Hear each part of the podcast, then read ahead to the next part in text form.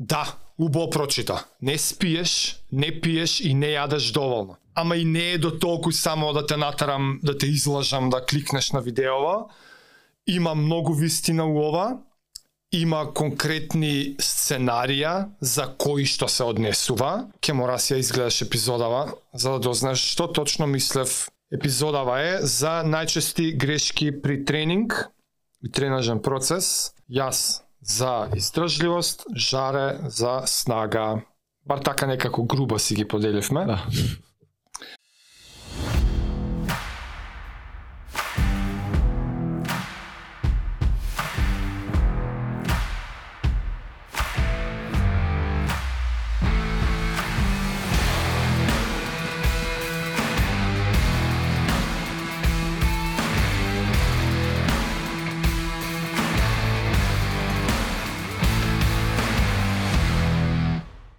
Месец февруари започнуваме со три дизајни на мајци. Некаде тука на екран ќе ги екран, видите. Не изгледам како глуп кај се не знам поим, немам појма. Дизајнот ќе оди напред на маичката, нашето лого ќе оди под вратот. За нарачки пуштете ми мене DM на мојот приватен профил batic.zarko на Инстаграм. Од понеделник до четврток примаме нарачки, од четврток до недела маиците ќе се штампаат. За понеделник да бидат спремни, подигањето се случува во просториите на CrossFit Скопје во кисела вода под Get Cafe и со маичка добивате и тренинг гратис кај нас во клуб.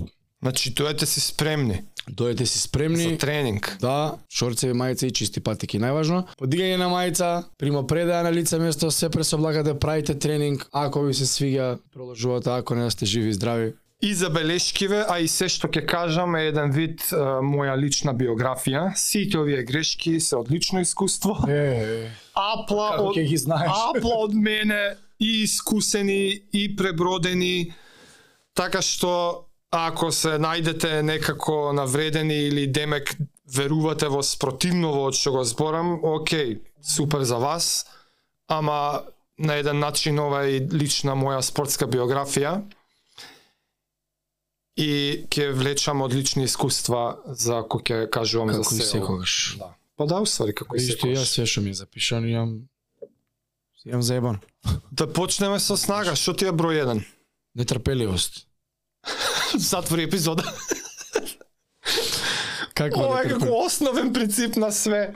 Да, ама нетрпеливост, зашто ќе видиш некој како дига 100 кила, кога ќе дигнам 100 кила бе? Чекај бе, застани бе малку полека бе.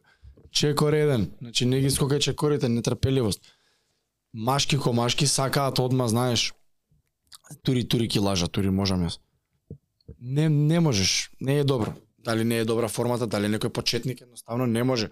Сега ќе видиш другите дека дигаат и ти сакаш. Е, јас кога ќе дигам? Застани малце, полека треба да трне возо. Значи си имаме ние стандарди прописи како се почнува да се дига тегови. Ти не може прв пат да дојдеш у сала и зашто си видел на Евроспорт некој како дига 200 кила and jerk, да сакаш ти пат од 20 години. Сега ние мораме прво се објаснуваме, сега не знам јас луѓе кај нас колку сакаат тоа да го достигнат, Да. али кај мене у сала е најчесто а и ова ми е едно со егото, за како девојчињата дигаат толку, а јас ми даваш ти мене помалце килаж. Исто во едно од точките е техника, значи бидете потрпеливи и верувајте му на процесот, значи полека. Чеко реден е пластика.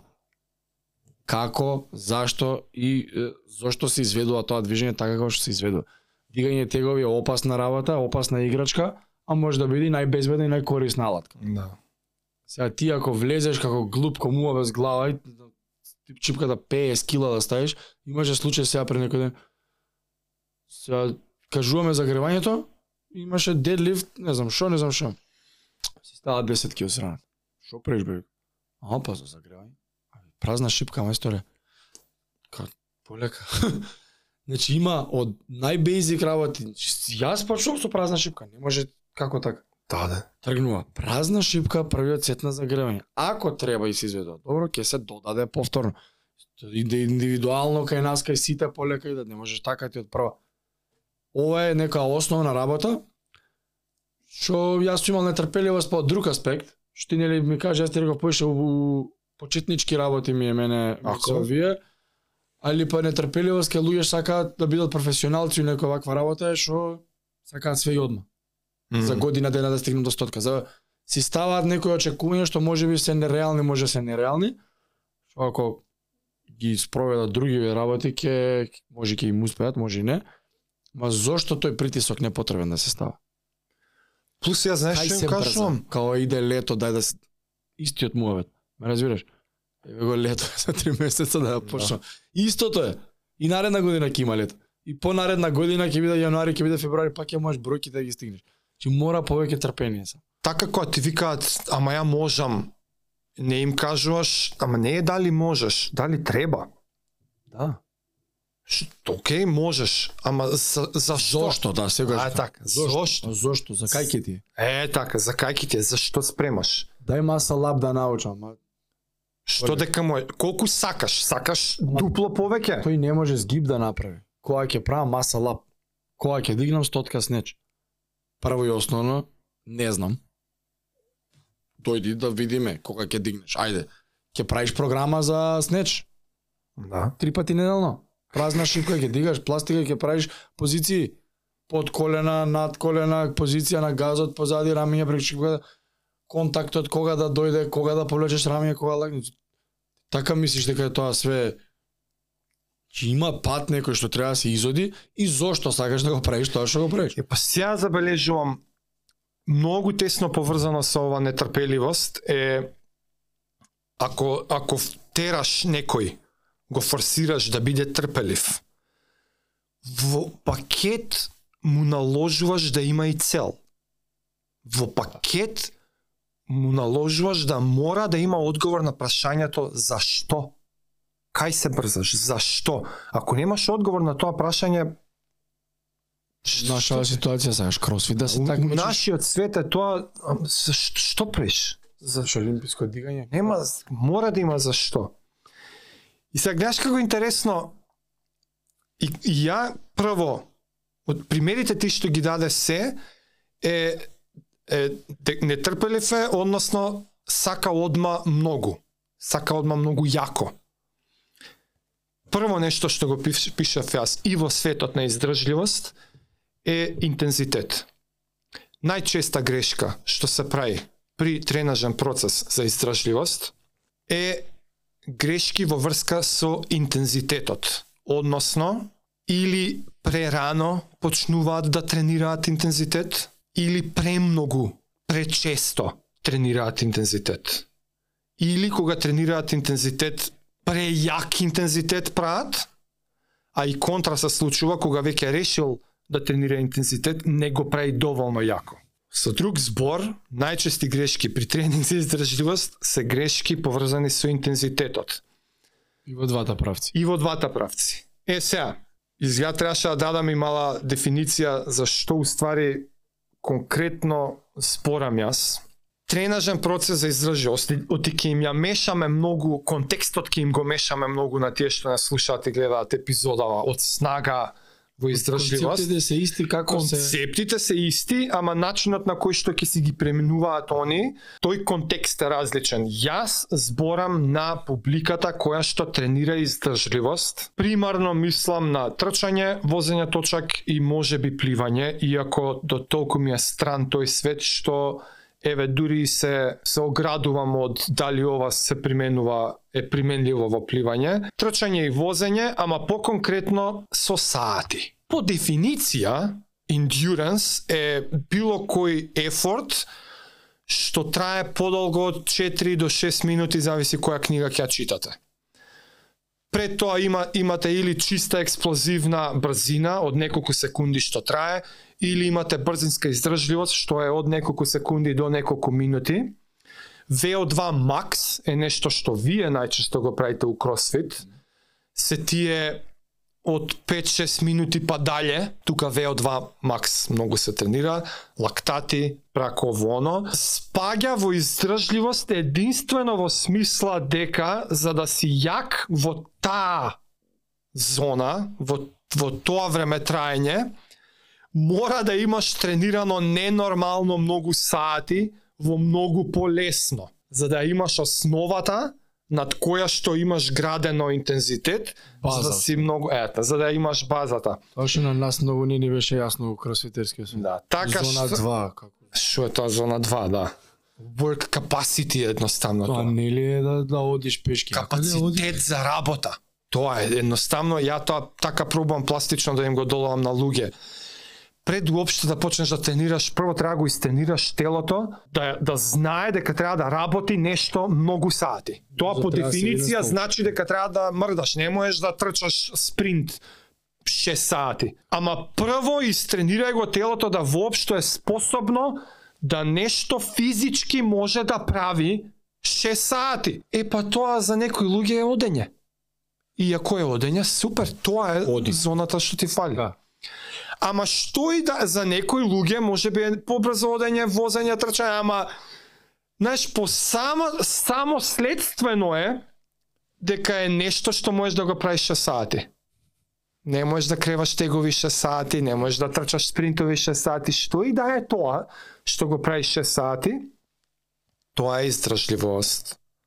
Односно тоа го тренираш во тренажниот процес. Е сега, твоето прашање го наложуваше прашањето, ама зашто? Океј.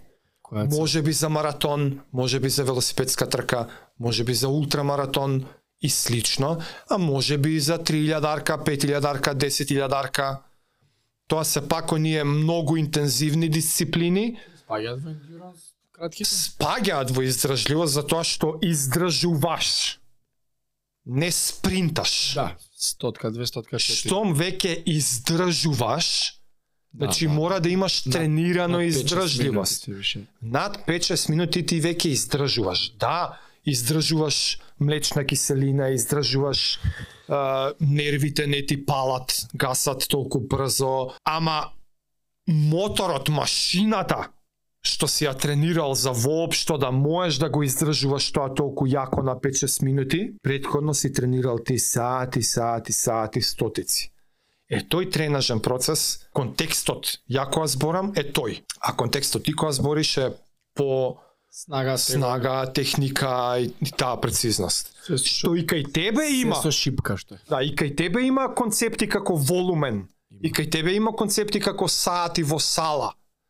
Само таа акумулација што се случува при Не, тренажен не процес исто. кај тебе илјадници репс, Репс, на да. празна шипка. Тоа на пример во мојот свет би било илјадници километри на, на трчкање. Трчкање со бабите на пазар. Така.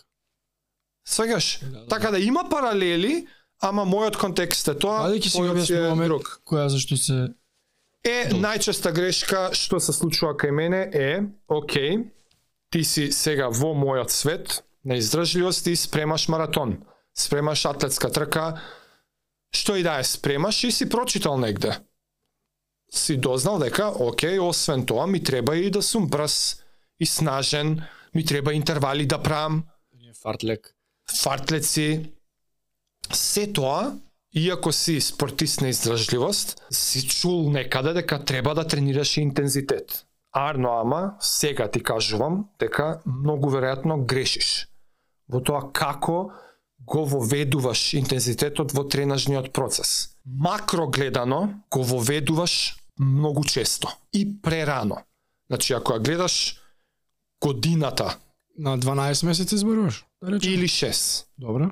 како сакаш гледаја. И Да, така да и така се- имам грешено, и така и така ги имам гледано како грешат. Ама сите се познати со концептот дека, окей, програмава ми е 6 месеца или 12. За до тоа ш- за што сте одбрале да правите. Многу е веројатно дека прерано ќе почнеш да правите интензивни тренинзи, у смисла интервали, у смисла некакви темпо, јако или нешто. Многу е веројатно дека прерано ќе почне. Значи од 6 месеци ќе почнеш можеби првиот месец. Можеби и вториот. За да не влагам во спецификите конкретно на програмите, ама запрашај се. Дали прерано почнуваш со интензитет? И кога почнуваш со интензитет, дали пречесто го правиш? У смисла три пати неделно. Пет пати неделно. Премногу е тоа за. Сваќаш. Значи, тоа се најчестите грешки. Прерано си почнал да воведеш во макроциклусот интензитет, Според тебе кога е најдобро да се воведе? тука не ќе да влагам. Индивидуално е тоа. Индивидуално А е на зашто спремаш 6 месеци. А, нешто што можам да кажам сега е да се следи принципот 80-20. Као за све уживо. да. Тоа е принцип што е демек популаризиран сега последниве години, ама кој е малце поинформиран, ова е од од 50-тите руска школа. Од многу рано уште најпрви истражувања која почнале да се водат оној источен блок. Многу рано го знаеле овој е, систем на периодизација 80-20. Што значи тоа? 80% од целиот волумен на целиот тренинг, 6 месеци, 12 месеци, една недела, каков сакаш снепшот извлечи, 80% треба да е во зона 1 или зона 2. И или зона 1 и зона 2 е многу лесно за некој што тренира и некој што е тој човек што ти што го кажа, ама можам бе, можам. Ма зашто ми даваш толку малку? Зашто ми даваш толку лесно? Можам повеќе. Not the point. Не треба, знам дека Не треба. Имам понатака ќе објаснам зошто, ама ќе во овој момент само тоа е важно. 80% е лесно, прелесно. А 20% е јако, ама јако. Мушки сериозно јако. Не се заебај. Тоа е концептот. И во година дена, и во една недела. Значи од пет тренинга во Еден. неделата, еден. Еден. само. Еден. Ама кога го правиш, Да бе, all знаеш што правиш. Тачно и знам. нема забушавања. И, а, И боли. и сега, и, ако почнеш правилно да ги правиш, тогаш ќе ти стане јос, јасно зошто по 80% Добро утро. Тој е едниот Оти тој е едниот ќе те оштети. нити пак ќе можеш да го правиш ако претходно не си Да. Или ќе да е до повреда. Свеж. посетен. Сега за сега само тоа можам да го кажам како некој како некоја рамка, водечка, принципот на 80-20, а по конкретни примери, мислам пре преспецифично е за тоа постојат тренери, што бркаш, сега може би и што акумулираш од претходни години. Знаеш, са, некои машини од 20 години, он може би ќе може да почне Да, да, да. воведем, знаеш, него може би базата му е огромна. Он не мора да работи на work capacity. Мене не ми е проблем 6 сата тренинг да правам. Мене Секој не ми треба прогресија за тоа. Јас сум ја сакаш од од 30 години спортист, првите 15 тоа сум го градел. За да ја последниве години мене телото ми нема проблем. Затоа сега база. база, Базата и се таа база ба, е база и, и во контекст на животот и во контекст на годината, тоа ми е мене прва точка. Кај мене втора грешка најчесто е не барање на стручна помош, односно тренер. Без разлика дали си у групен сетинг, дали си еден на еден, необходно е ментор на крајот на денот. Некој што го поминал патот, што ги направил сите грешки во книгата, Сите грешки. да ти каже и да ти го скрати твојот пат. Значи тоа е као за све што има тренери. Консалтинг за бизнис, за, за било што, за финансии, за, за спорт, е истото ти у тегови. Што особено тегови се многу пипава работа и многу комплексна, иако личи многу едноставна. И оние муабети ќе се повредиш, ќе се ова, ќе се она, да, ќе се повредиш, ако правиш глупости. И ако нема некој да те прати и да те гледа. Ако немаш услови за тренер, односно финансии, пак има решение. Камера е најдобар тренер. Никогаш не лажи. Јако. Земи сними се, отвори YouTube клип, имај виртуелен ментор и споредој како треба. И на камерата јасно се гледа Сега, е, за тегови дигање дај еден совет, од косо треба да се снима стално. Да имаш и од Не од од право, не од позади, не од страна, него некој диагонален нагол вака. Дошло, секој секој Или може две момент. камери стои. Или две камери, два телефона. Али сите имаат еден телефон у джеп, тоа е сигурно. Ако имаш една од косо, снимај се. Пушти се, све се гледа на камерата. Имаш сега успорен снимак, го, го враќаш, го правиш, го пустиш. Чи се у сала често се случува тоа, се снима, дај видиме. И браво, се снимам, дај. И се тачно е тк, тк, тк, и се тој моментите има и тука нема што да ми каже, бе, слушай, добро направи, дојдемо. Гледаш овој момент, дека ти е колената ти се пред шипката, треба да ти се рамениците преку шипката. А, да. Значи, толку многу ситници се, што некој што го изолал патот пред тебе може да ти ги воочи вака, многу лесно. Сам ја тоа ми е по дефолт треба да направи еден снеч онде и ќе ти кажам Да, не повлече со рамења, не направи ова касни со лактите или порано си со лактите, разбираш, или не, не си исправи доволно. Брзаш да влезеш во чучење. Да. На дедлифтот газот ти е многу доле, многу ти е горе, ги испраш колената пред време. И, и тоа ја бе не, сними се. Ајде и прави дедлифт. Тебе ти е тоа онако инстинктуал веќе.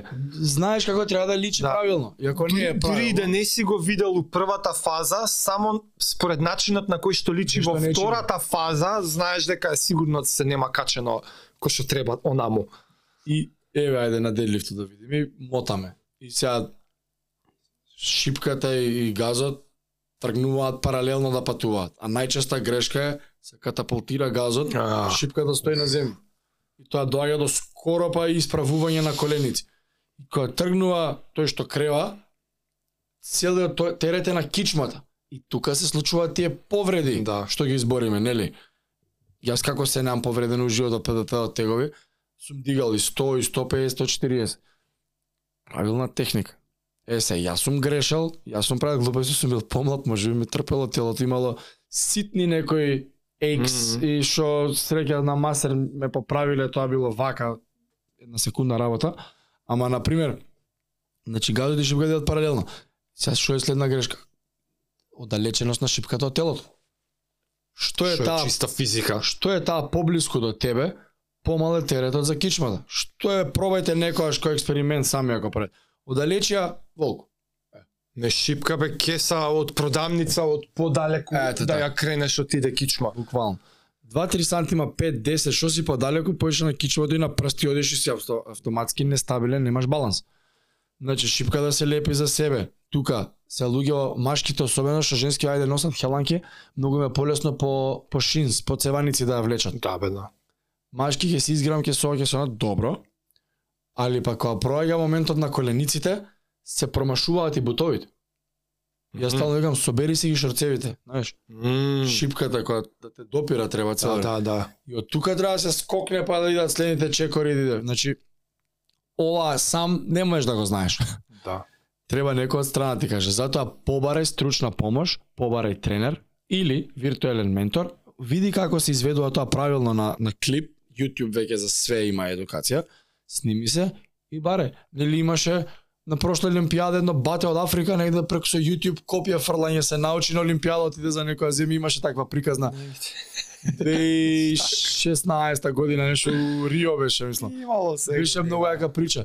Од YouTube Разбираш? Ако немаш пари, финанси и можност да, Да. или да отидеш физички негде, може би во твојот район, може живееш во друг град, не си во Скопје, може би си во Струга и нема. Да, да, да. Не знаат луѓе.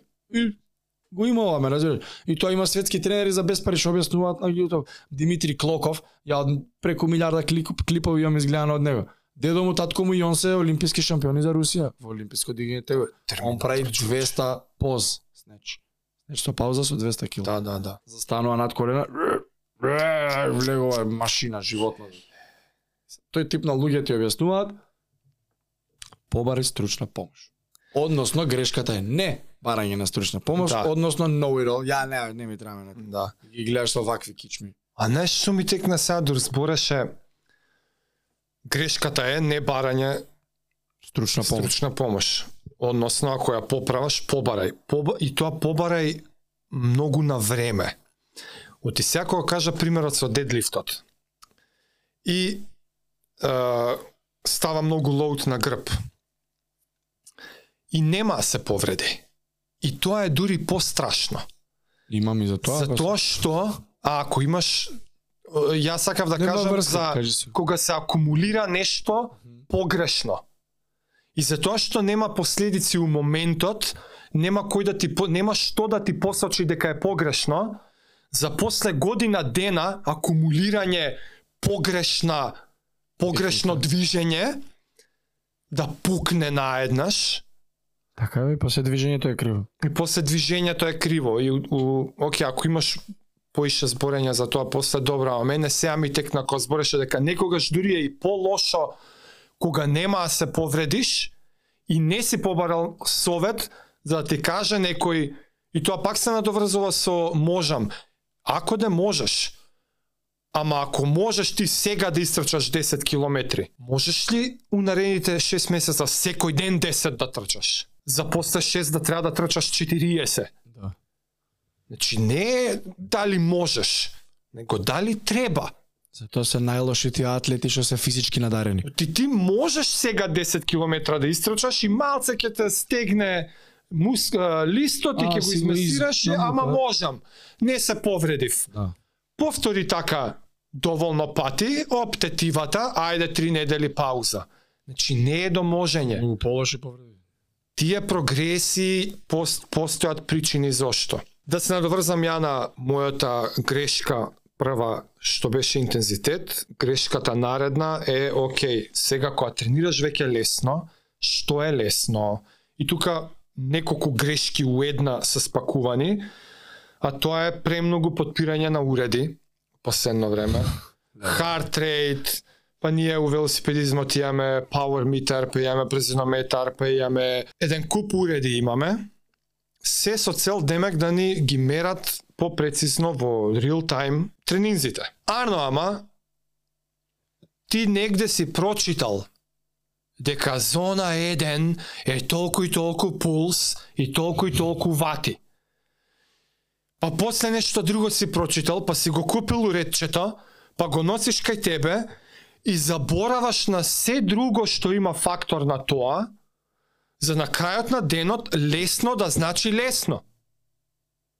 Не толку пулс, ама ти не си спиел, не си спиел убаво, не си јадел убаво, нешто друго те изнервирале дома и тебе пулсот природно ти е качен сега и ти трчаш по пулс у тотално погрешна зона, ако е пулсот погрешен. Сите тие уреди се естимација базирана на просеци од други луѓе во други времиња на некакви краткорочни истражувања. Тоа секогаш зимајте го со доза на сомнеш, затоа што лесно за тебе како човек е што тебе ти е лесно. А ако не знаеш што тебе ти е лесно, ја неколку пати имам кажано и сега пак ја кажам и цела епизода за ова може да правам, треба да можеш да дишеш на нос. За зона 1 и 2. Дури не се ни замарам со зона 1 и 2. А тоа е базата. Ос- 80-20? Да. 80% тренингот треба да можеш да го правиш со залепена уста. Не чат пат на нос, не. Со фластер на уста треба да излезеш од дома и да се вратиш дома. Сат, 2, 5, 12. Колку и да ти е тренингот, цел тренинг треба да можеш да го направиш со дишење на нос. Кој тренер беше што голтка вода им дава, кои се вратат мора да плюкнат пред него? Не знам. Каква метода има? Пиеш голтка да? Тргај. А, и вау, не сум знаел. Плюкни ја водата. Ако ја голтнеш, е, што Не сум знаел, браво, Ето. браво, не сум ни знаел за примеров, одличен пример. Тоа е, 80% тренинг треба да е тоа.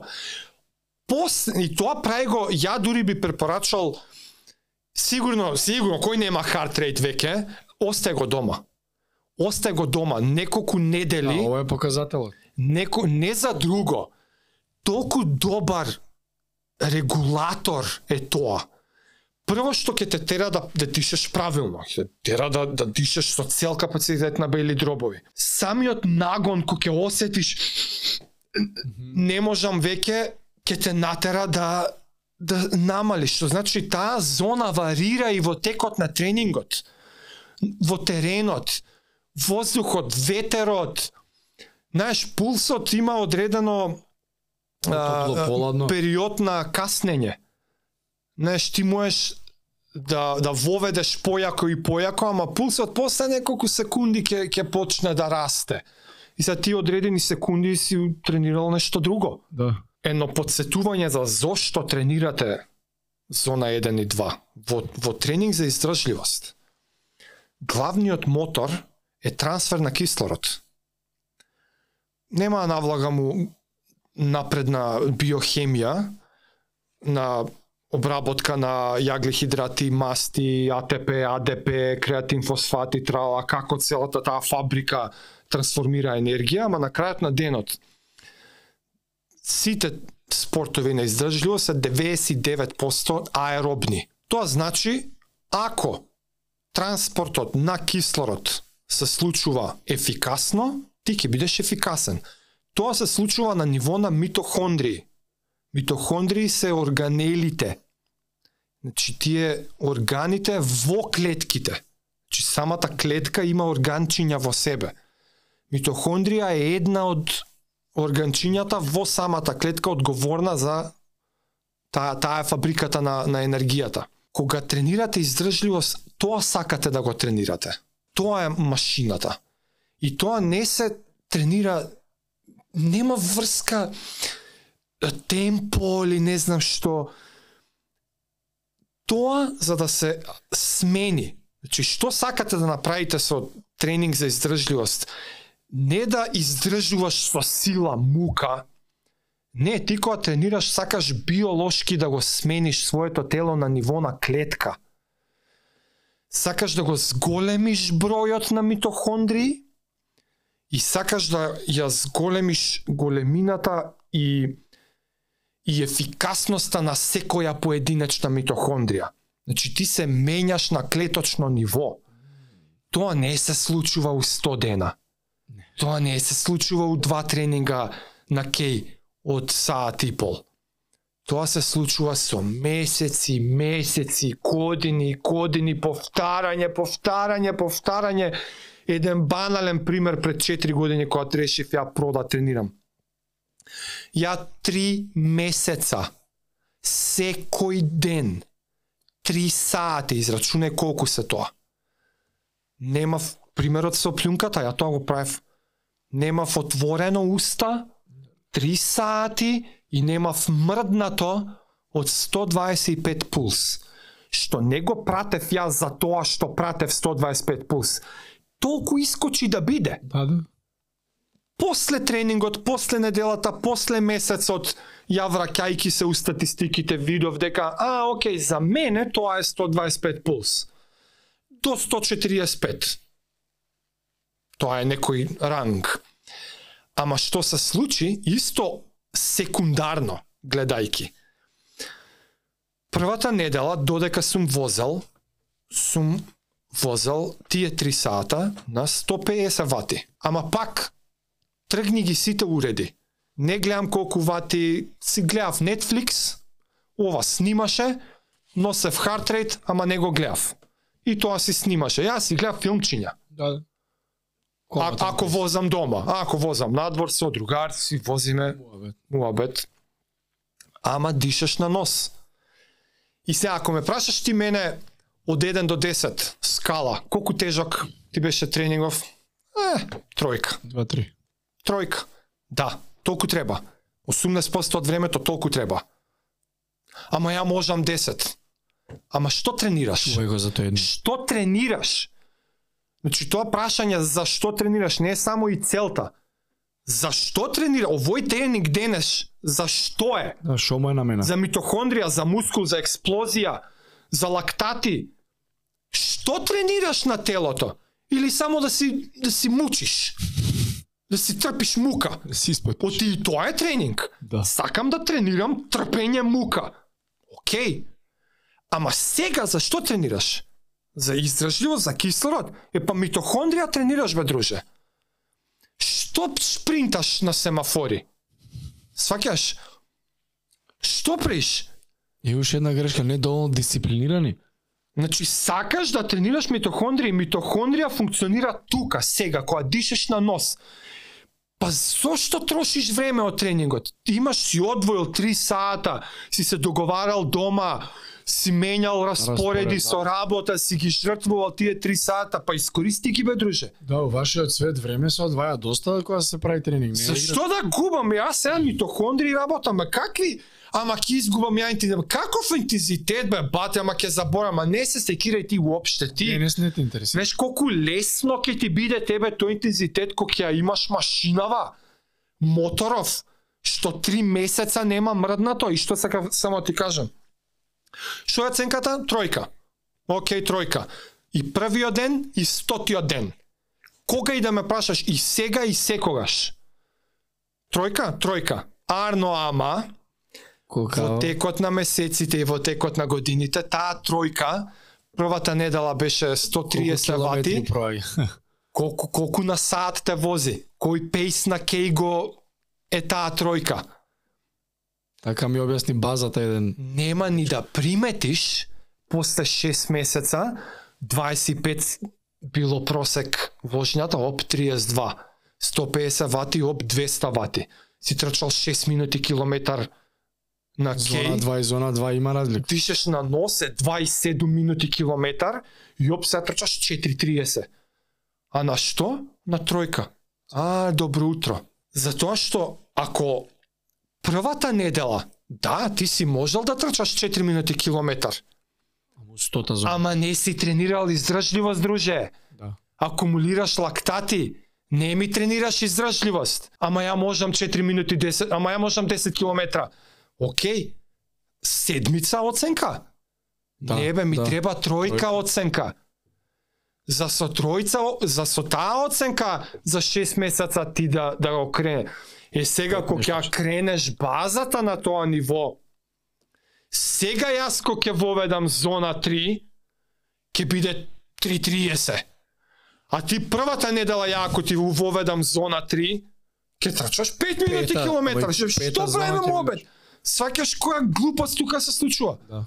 Е, тука се сите тие грешки. Сега, значи, следствено на интензитетот е незнаење, таа е грешката, незнаење што е лесно. Ако има еден takeaway од епизодата, лесно во мојот свет е треба да можеш да го дишаш на нос. Што ти Ја, е ја, треба? јас имам е, повеќе грешки, у у една може да се направи тоа. Неверување, неистревување во процесот. Тука, ајде, тесно поврзани се и со, со егото, ама има зошто се зима пластика првиот пат кога се учи некое движење. Затоа што ти дава простор да сгрешиш и со лоша форма да не се повредиш. Значи да повторам. Ти дава простор да сгрешиш и со лоша форма да не се повредиш. Затоа што што и да правиш прв пат не можеш да го направиш ти совршено што сака нека. Кој да фатил да прави снеч од прва, особено сквача се влага, или клин, или дедлифт, не е можно ти од прва тоа да биде перфектно и да успееш. Ни најдобрите на планетата што се денес не успеале од прва да го направат тоа. Затоа си има пластика. Во руската школа децата од 8 до 12 години не фаќале шипка, нема не може да фати шипка. Нема нема такво нешто. Значи со пластика вежбаат и дрилаат Од 8 до основ- 12. Од 8 до 12 годишна возраст. 4 години Четири тренира. Ете Пластик. тија базата. Замисли го ти детево кој ќе дое на 12 години, почнува она почнува првите првите траги на тестостерон да ги дојде во телото, Пубертетчето. пубертетот влага. И му викаат, ајде ти сега Клоков, дојди, таткото и дедото што биле, еве ти шипка. Тој више со мала, сега, сега више има и детски шипки, што се по 5 кила, личат као големи за приклади на децата, сега е уште полеснато. Ама муабетот ми е кога тие светски шампиони 4 години дрилаат пластика, кои сме па ние обичните смртници или некој рекреативец со стомак што дошол и сега зашто некој девојче дигнало 40 кила снеч, можам ја да дигнам. Не, не можеш. И не треба да можеш одма да дигнеш. И не треба да дигнеш одма. И да можеш. Знаеш колку јаки момци и девојки доаѓале од прва што гледаш дека може. Не, полека. Значи, да фатиме прво некој терк, да си иде техниката кој што треба, па постем тоа да идеме. Значи, мора да се верува во процесот. Има зошто е таа програма, има зошто е тие прогреси, има зошто така се прават тие работи.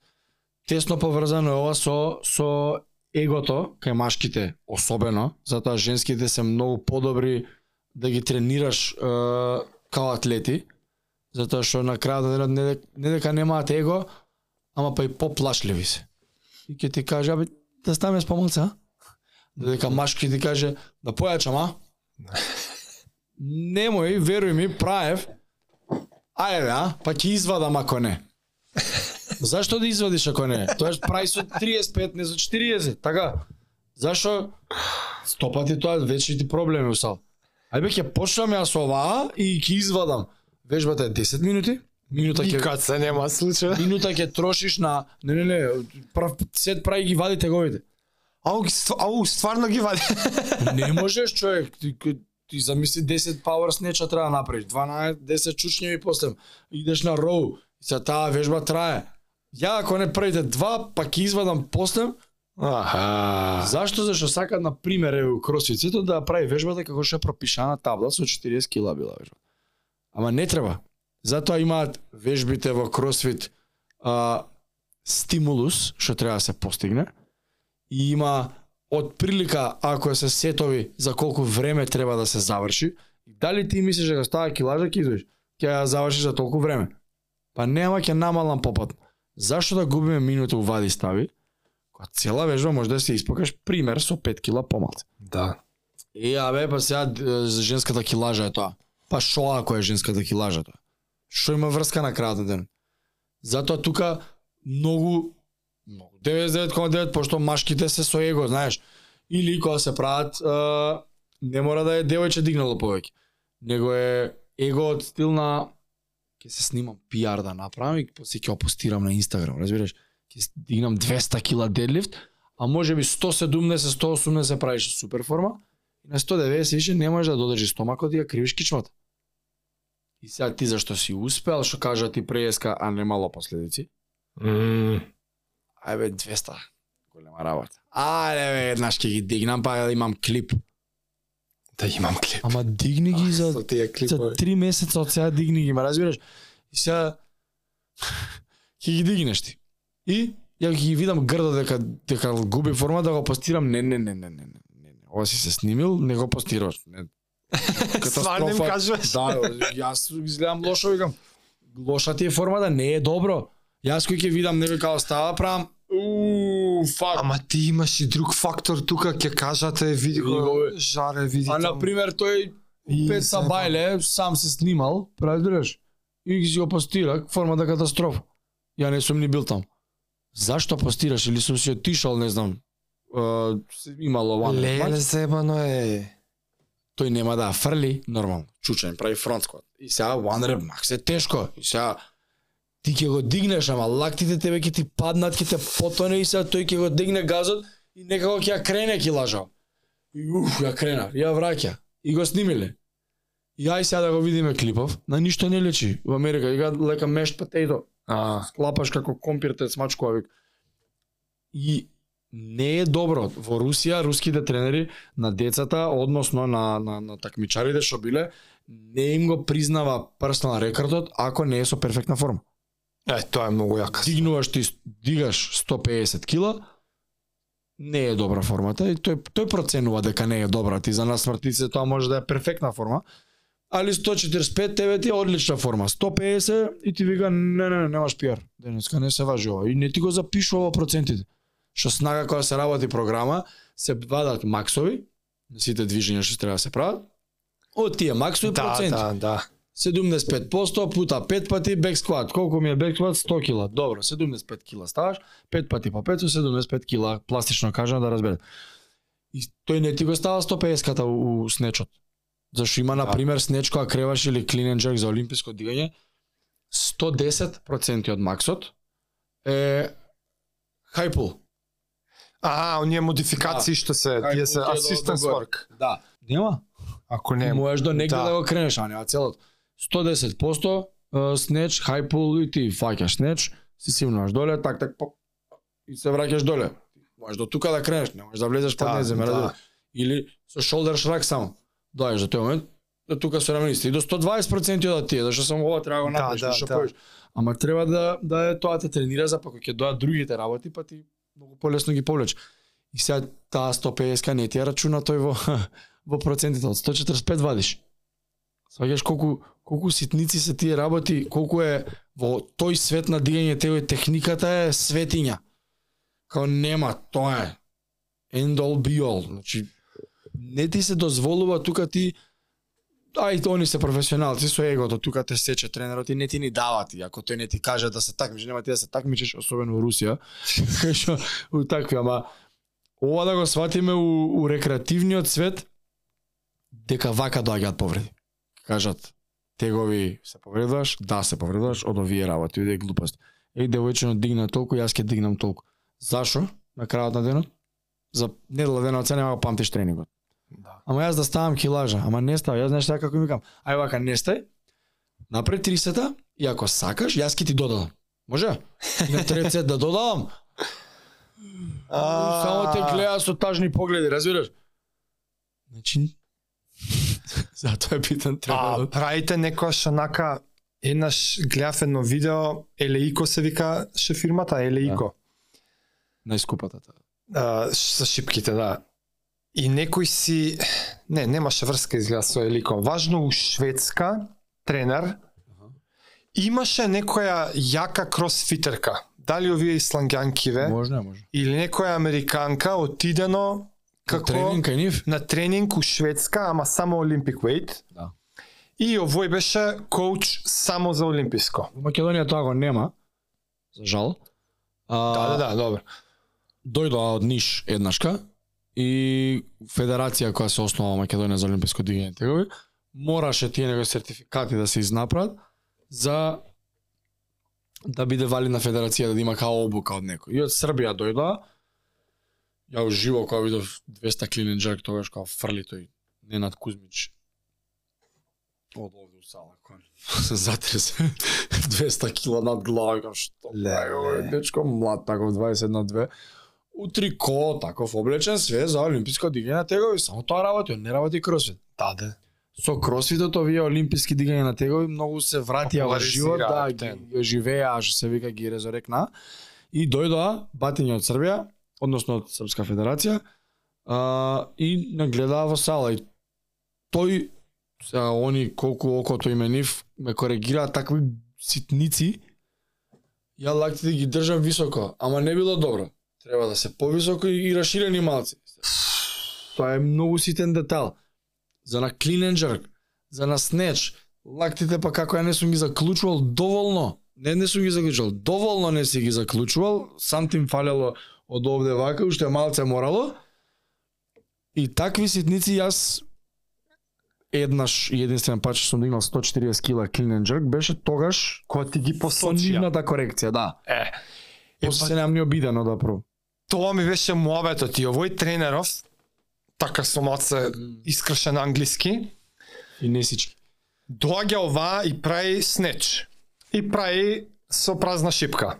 И овој и дојде на на консултации за снеч. Беше онакво како Day in the Life видео, не Да, знам бе. што. И и овој доаѓа и кажува две-три ствари и ова прави, прави, прави. Овој се трга неа ни гледа. Само и кажува, окей, работи сега. Николку пати, николку време.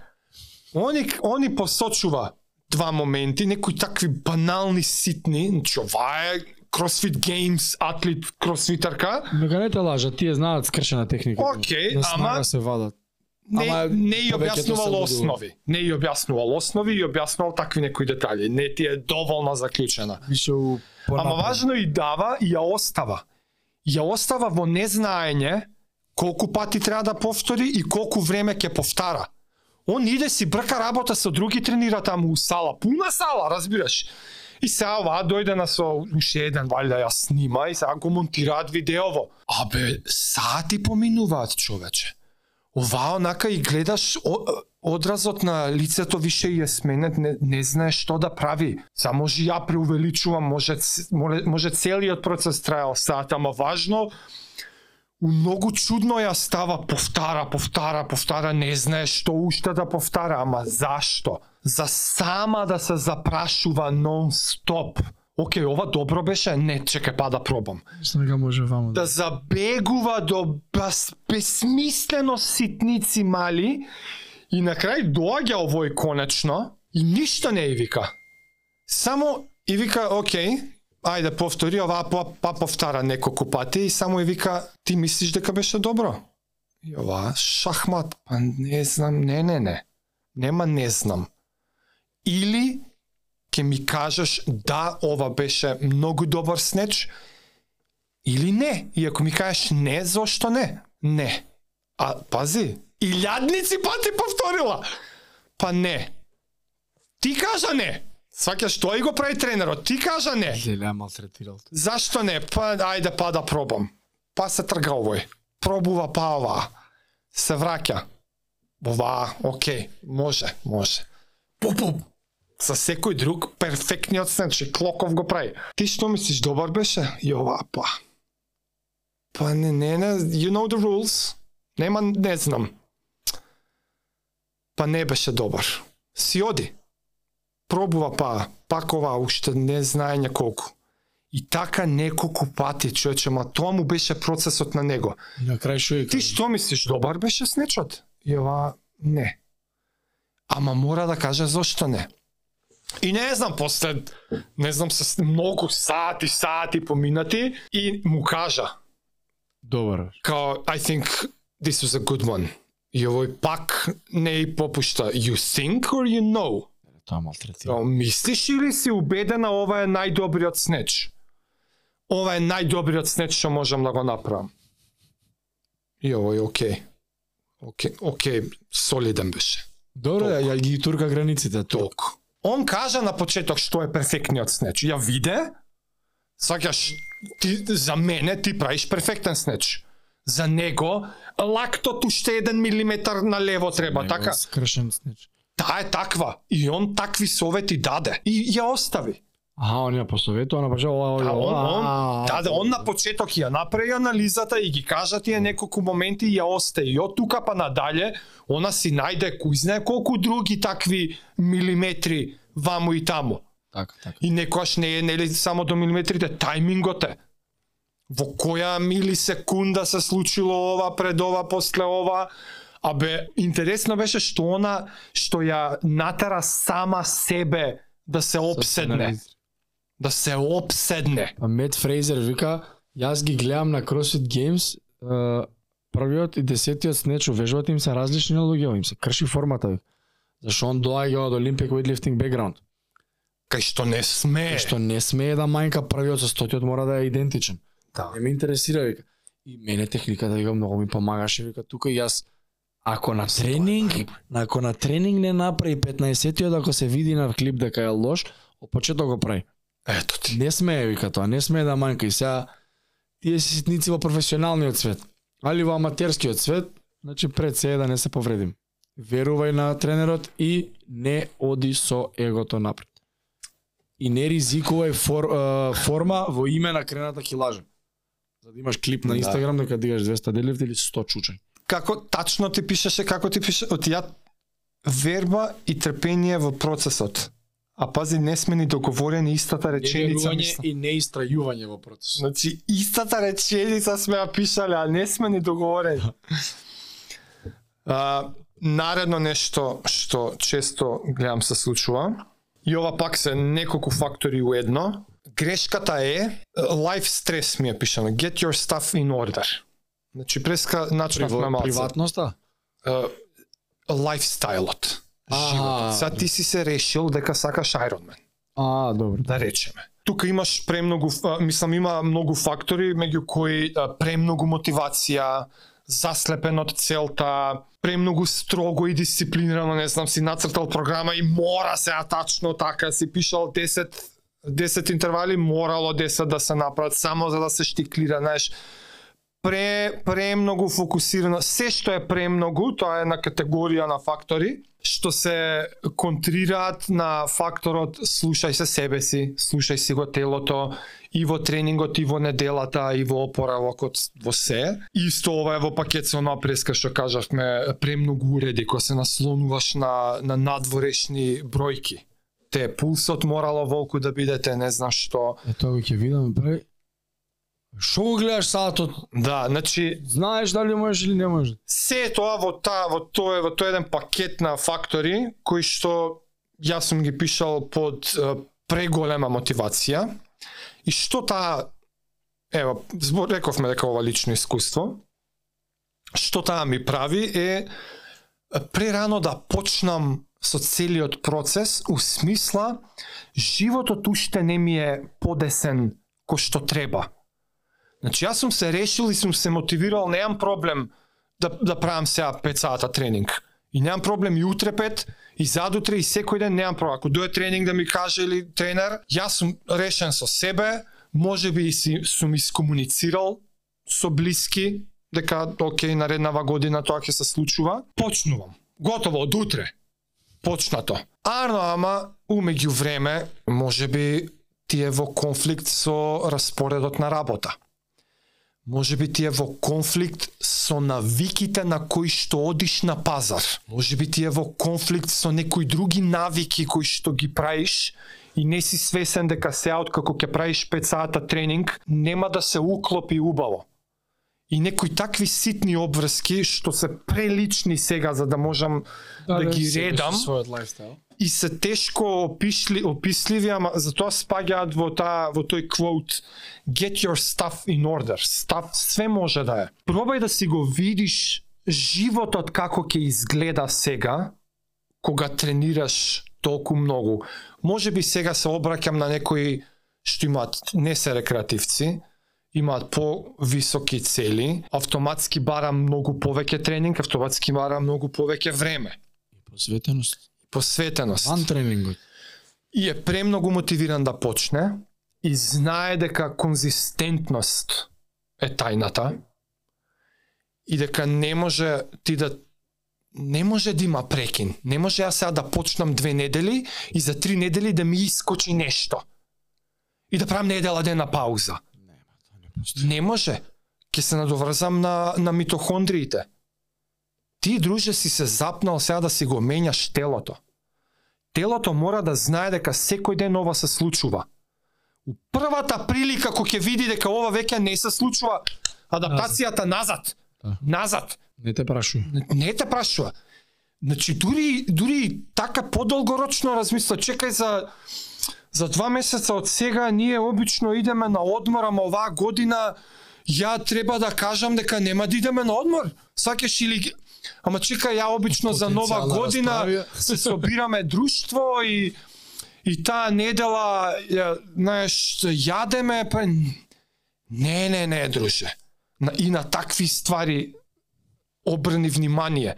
Оти кога ќе се решиш, треба да нема тачка. Ај еден ден, оке, ама знаеш, знаеш на што мислам такви некои Апсолутно. фактори? Да е секојдневието во директна ко корелација со целта, а у вашиот спорт бара Е, таа така. цел време. Е така, и дури и за опрема. Е, знам дека ќе ми, ми фалат, не знам, тие и тие хеланки. Ама ај сега е топло. И ќе дое време, не си ги купил Поскапи се сега може Поскапи би, снем- зима. снемало, не знам же, и да. ќе почнеш да импровизираш. Затоа што не си ги увидел на време, не си бил спремен. Може би ова глуп пример, ама... Ма не, ама Ма милион треба ситници да се, милион, приprema, да. До толку многу детали се кога ти си се решил дека ќе го посветиш сега толкав дел од животот. Најтешкото си го решил да таа- програма да ќе да. правиш. си се мотивирал. Затоа ми стои ова под категорија премногу мотивација.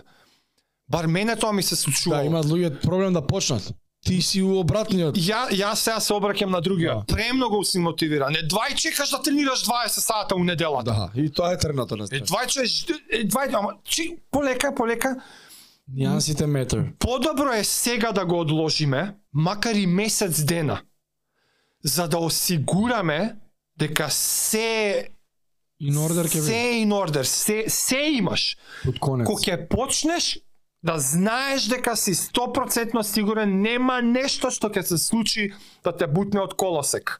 Нема нет предвид, нема нет предвидливо, опремата ти е тука, времето искомуницирано ти е со луѓе, со другари, со фамилии, со работа, со се, се, се, подобро одложи го, отколку толку многу си мотивиран и утре сабајле си почнал и си врзал пет дена и среќен си дека си врзал и почнуваш, приметуваш веќе, а види го бе, пейсот рипна, леле ми оди, ау и трете недела и втор месеци.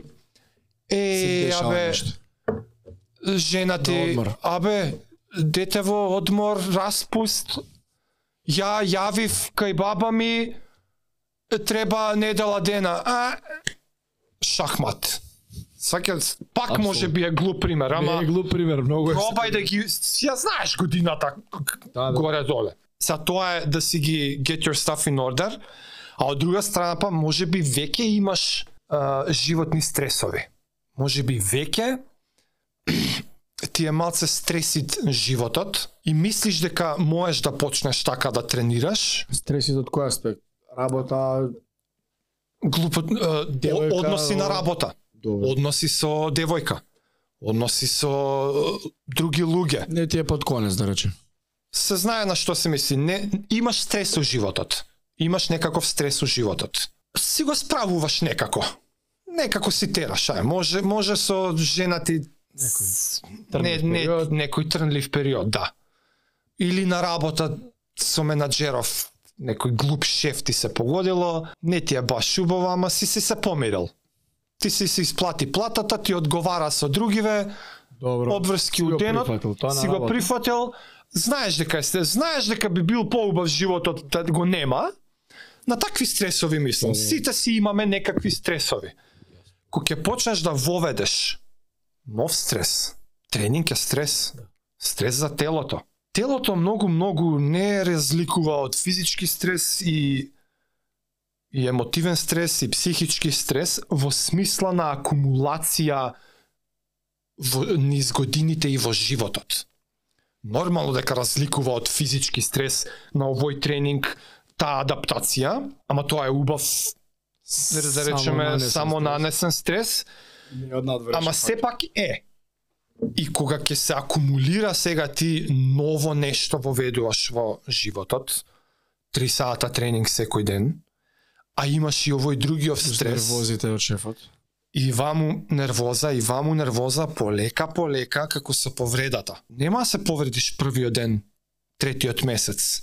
Ама после 6 месеца нешто ќе пукне и ќе се чудиш од кај дошло. Не дека одговорот е еј за тоа што ти е шефот глуп, ама може би си требал да ги расчистиш и Што тие ги стресови. Пробај и тие стресови некако да ги да се да ги Добар. расчистиш пред да го поведеш тоа и на крај да се врзам со одговорот на зошто тврдам дека не спиеш, не пиеш и не јадеш доволно. Откако си се решил да го правиш ова и го правиш и си читал и нас си не гледало други епизоди. Сме збореле за исхрана колку требало, колку не требало. Сме збореле за спиење колку требало, колку не требало. Си читал други книги, си гледал други подкасти. А и си од општа култура си слушнал дека треба да се спие 8 сати, дека треба да се пие 2 литра и дека треба да се јаде толку и толку. Три оброка на ден. Тоа е за унаводници кажувам нормален живот. Тренинг за издржливост. За оваа лично што ја опишав сега, што е премногу мотивирана и има високи тркачки цели или перформанс, тоа не е нормален живот. И тука просеците не важат. И ако се трудиш да ги држиш тие просеци на пиење, спиење, јадење, ќе влегуваш во долг.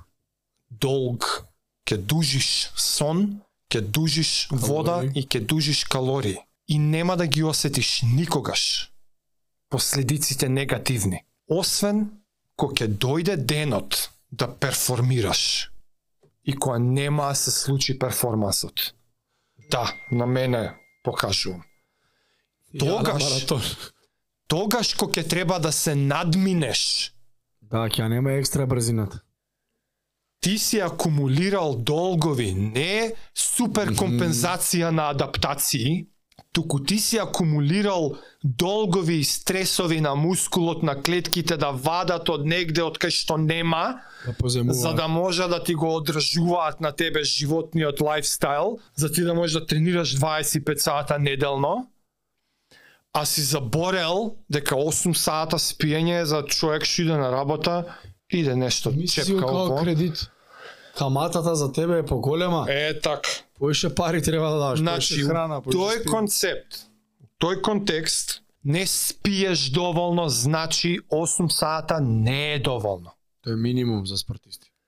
8 Ако, до 10. ако расчиташ повеќе и по примери, Федерер, Леброн Джеймс, 10 им е минимум на тие, ај може би не си професионалец. Имаше еден од овие беше 12 сата спие.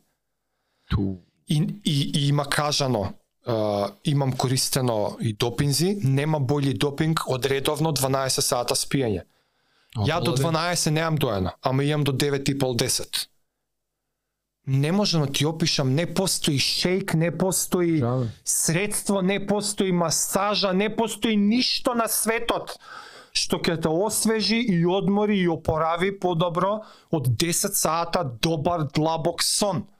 Квалитетен. Сега ќе станат јасни get your stuff in order. Мгм. Така, Времето е сега тоа. има малце треба да да шалташ. Да, да, да. Треба рокади да правиш. Чекај сега. Редовно 10 сата спиење не е исто со 6. Кога се легнува? Кога да спиам ја сега 2 сата повеќе? Е, 2 за тренинги најдов 2. И, и, и ред други верижни реакции се од овоа, така? Пиење. 2 литра демек е нормално. Прво и тие е 2 кој ги пие.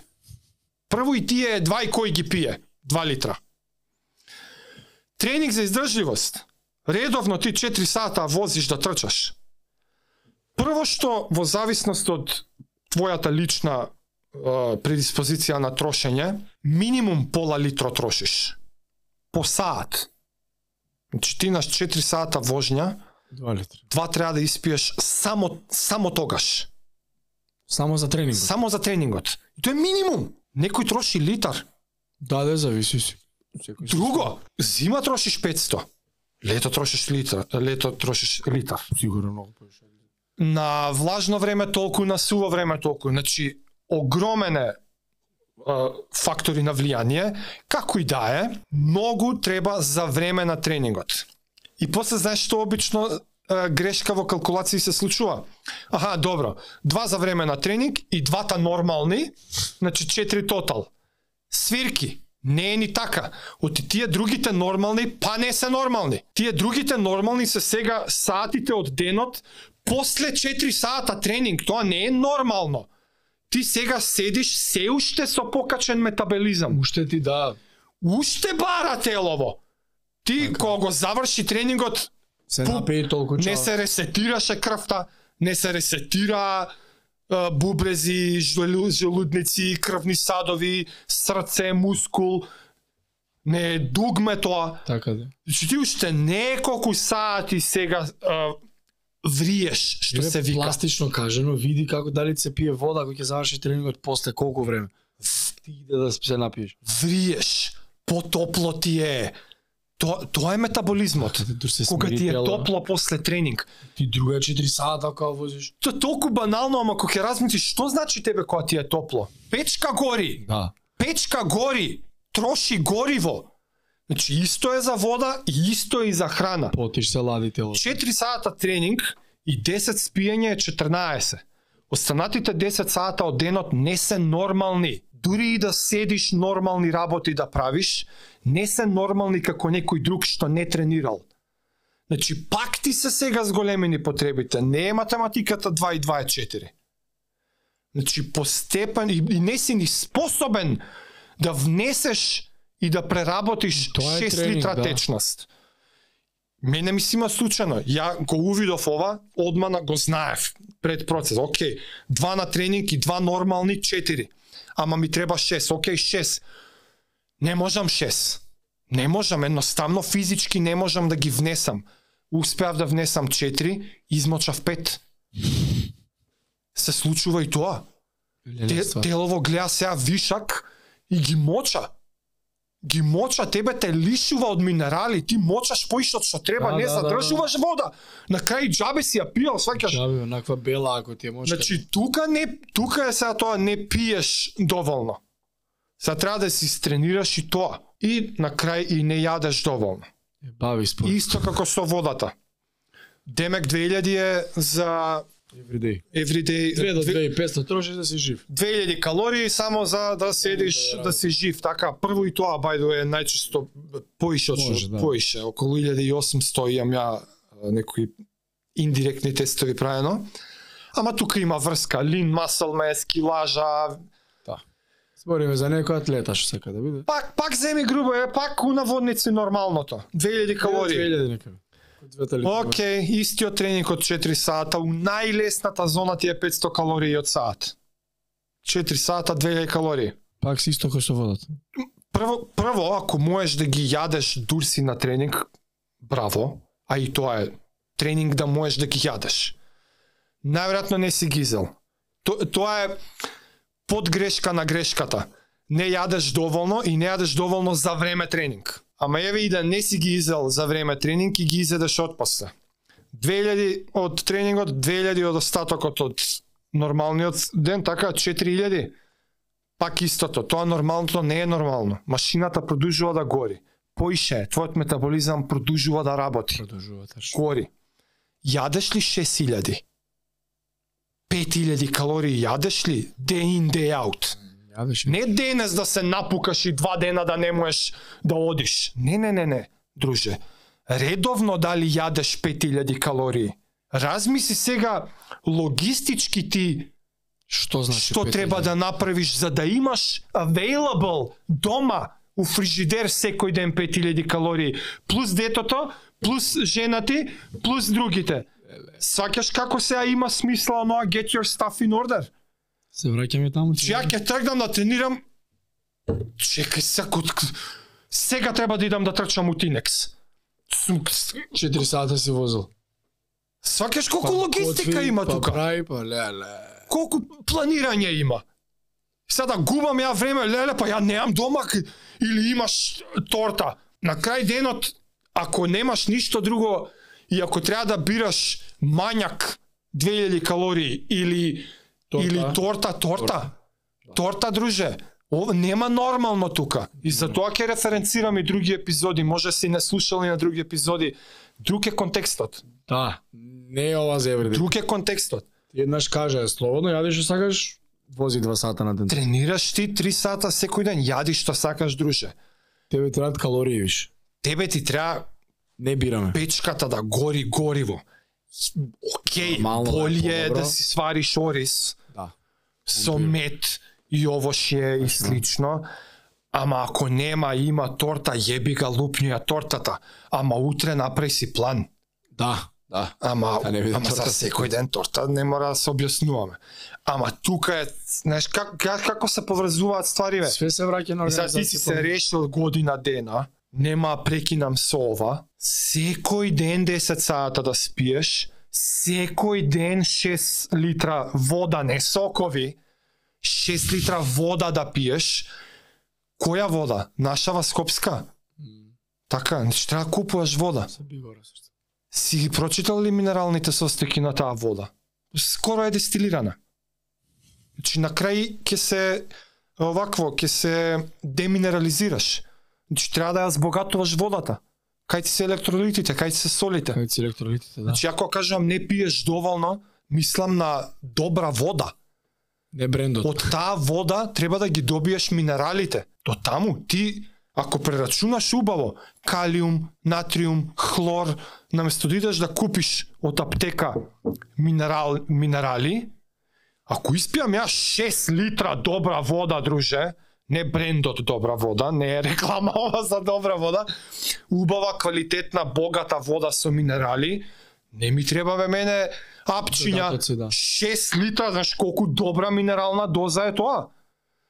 Најчесто најефтино решение е едно едно солче. Убаво хималајска, келтска, мртво море, убава природна сол у шишето. Колку ставаш еве тие што се Еве покажувам како да си посолиш салатата. Добре, едно залче.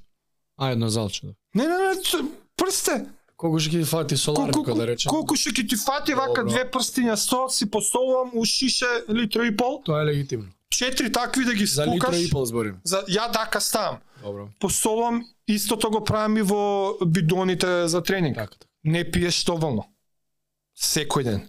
И не јадеш доволно. Кога кажувам, значи, не јадеш 6000 калории, 4000, 3, 5, колку ја е, не две, не две. Редовно ако јадеш две и редовно ако тренираш 3 сата, дури и да напредуваш, не напредуваш доволно. Јас знам кога се спремавме ние по мене, колку ослабев. Е тоа е. По 4000, по 4500 трошење калории на ден. Не со седмица, со две седмици не ги надокнадуваш. Седмици има 900 калории. Два пати јади 1800. Кај се другите 2200? И сега ние можеме милион други и, и дури, дури, е, дури и ова е грешка, ова е мета грешка. Ова е грешка над грешките. А тоа е, ги знаат сите овие работи луѓето, и ќе се сконцентрираат да ги применува да ги применуваат ситните нешта. Парализа од анализа. Да, ти го имаше тоа, е, па е премини си се на Paralysis тоа. by analysis. Ти кажи колку фактор. Бе, каков стекач да купам? Овој бренд ли е подобар?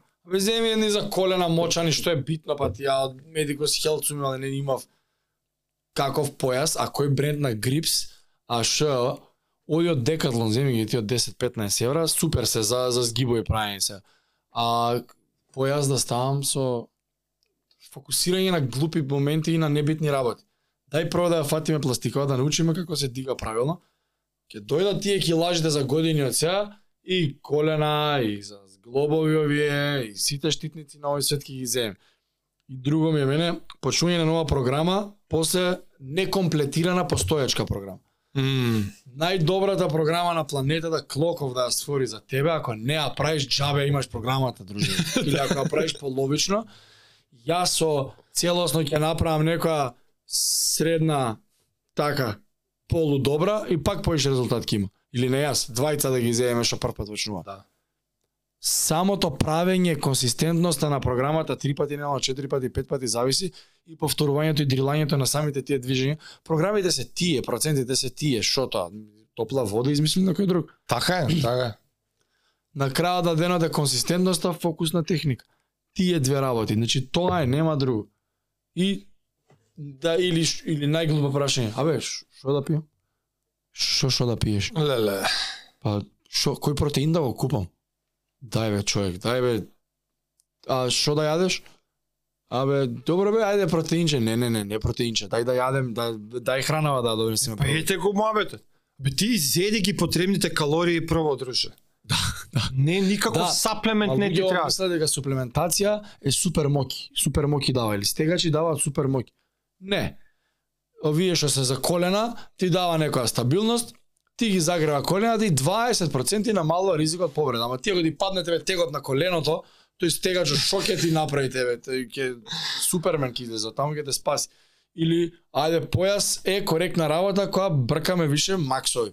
И сега некој има ту schools of thoughts тука, едни ти вика ако ставаш појас, нема твојот појас да го изградиш, односно корот. Ама па ти ако ставаш си безбеден на движењето, не гледам никаков проблем и да ставаш појас, секогаш кога дигаш малце потешко. Според мене подобро биди безбеден во моментот, Mm. пак работи корот, пак ти 100 кила за 100 кила не може да ме убеди мене некој дека нема тоа ефект. Ама од тоа аспект да. Али ти кој протеин да го, па кој брендови на протеин, па а, овој подобар од Протеин е протеин. Гледај, викам, шо пише, 23 грама, таму шо вика, 21, 23. Колку ставаш да внесеш, ти шо мислиш шо дава протеинот? Моки. Ама мене многу ми се свига изразот што кажа парализа од анализа. Се фокусирање на небитните Да. нешта. Анализира небитна небитна ствар. Треба да анализира тоа што Ова што рековме. кажа со зоните. Не јадеш доволно. Тоа изанализирај е го. анализирај го. Или Колку потроши, колку ти треба? 3000 калории денес ти треба. Ги изеди ли бе друже 3000 калории? Ако не, ти знаеш ли кој пие протеин? Тој што треба да да јаде 5000 калории и на крај на ден сватил дека му фали 60 грама протеин. протеин му фали, не Протеин калории. му фали, значи он јадел 3 стека, Еден јадел кило салата, јадел сирења, јајца, се јадел што треба, пола тинекс го купил и сваќа дека затоа што е про, затоа што живее и работи тоа, а не е хоби после работа саат време тренингче два пати у неделата. Да. Тој прво за тие били на крај сваќа дека му фали 17 грама протеин и иде го бута и го тој пие протеин, ти ти изеди ги прво 2000 калории. Убаво. Квалитетно изеди ги, испи ги квалитетните води 2 3 4 литра. Наспи се убаво. Направи го ова неколку месеца и после кажи ми дали ти После треба збориме за дали ти треба Да, шейк. Дај Се работи кажи. што се лесно контролира. Тука е тој израз парализа од анализа. На ова анализирај. Ова, спиење, јадење и пиење. И техника. Парализа од анализа, така ќе му ставам тајтл Paralysis by analysis. на на видеото. Е па тоа е тоа. Тоа е тоа. Само си проверам забелешките. Е па дечки, тоа беше. Се гледаме у следниот понеделник. Ај чао. Поздрав.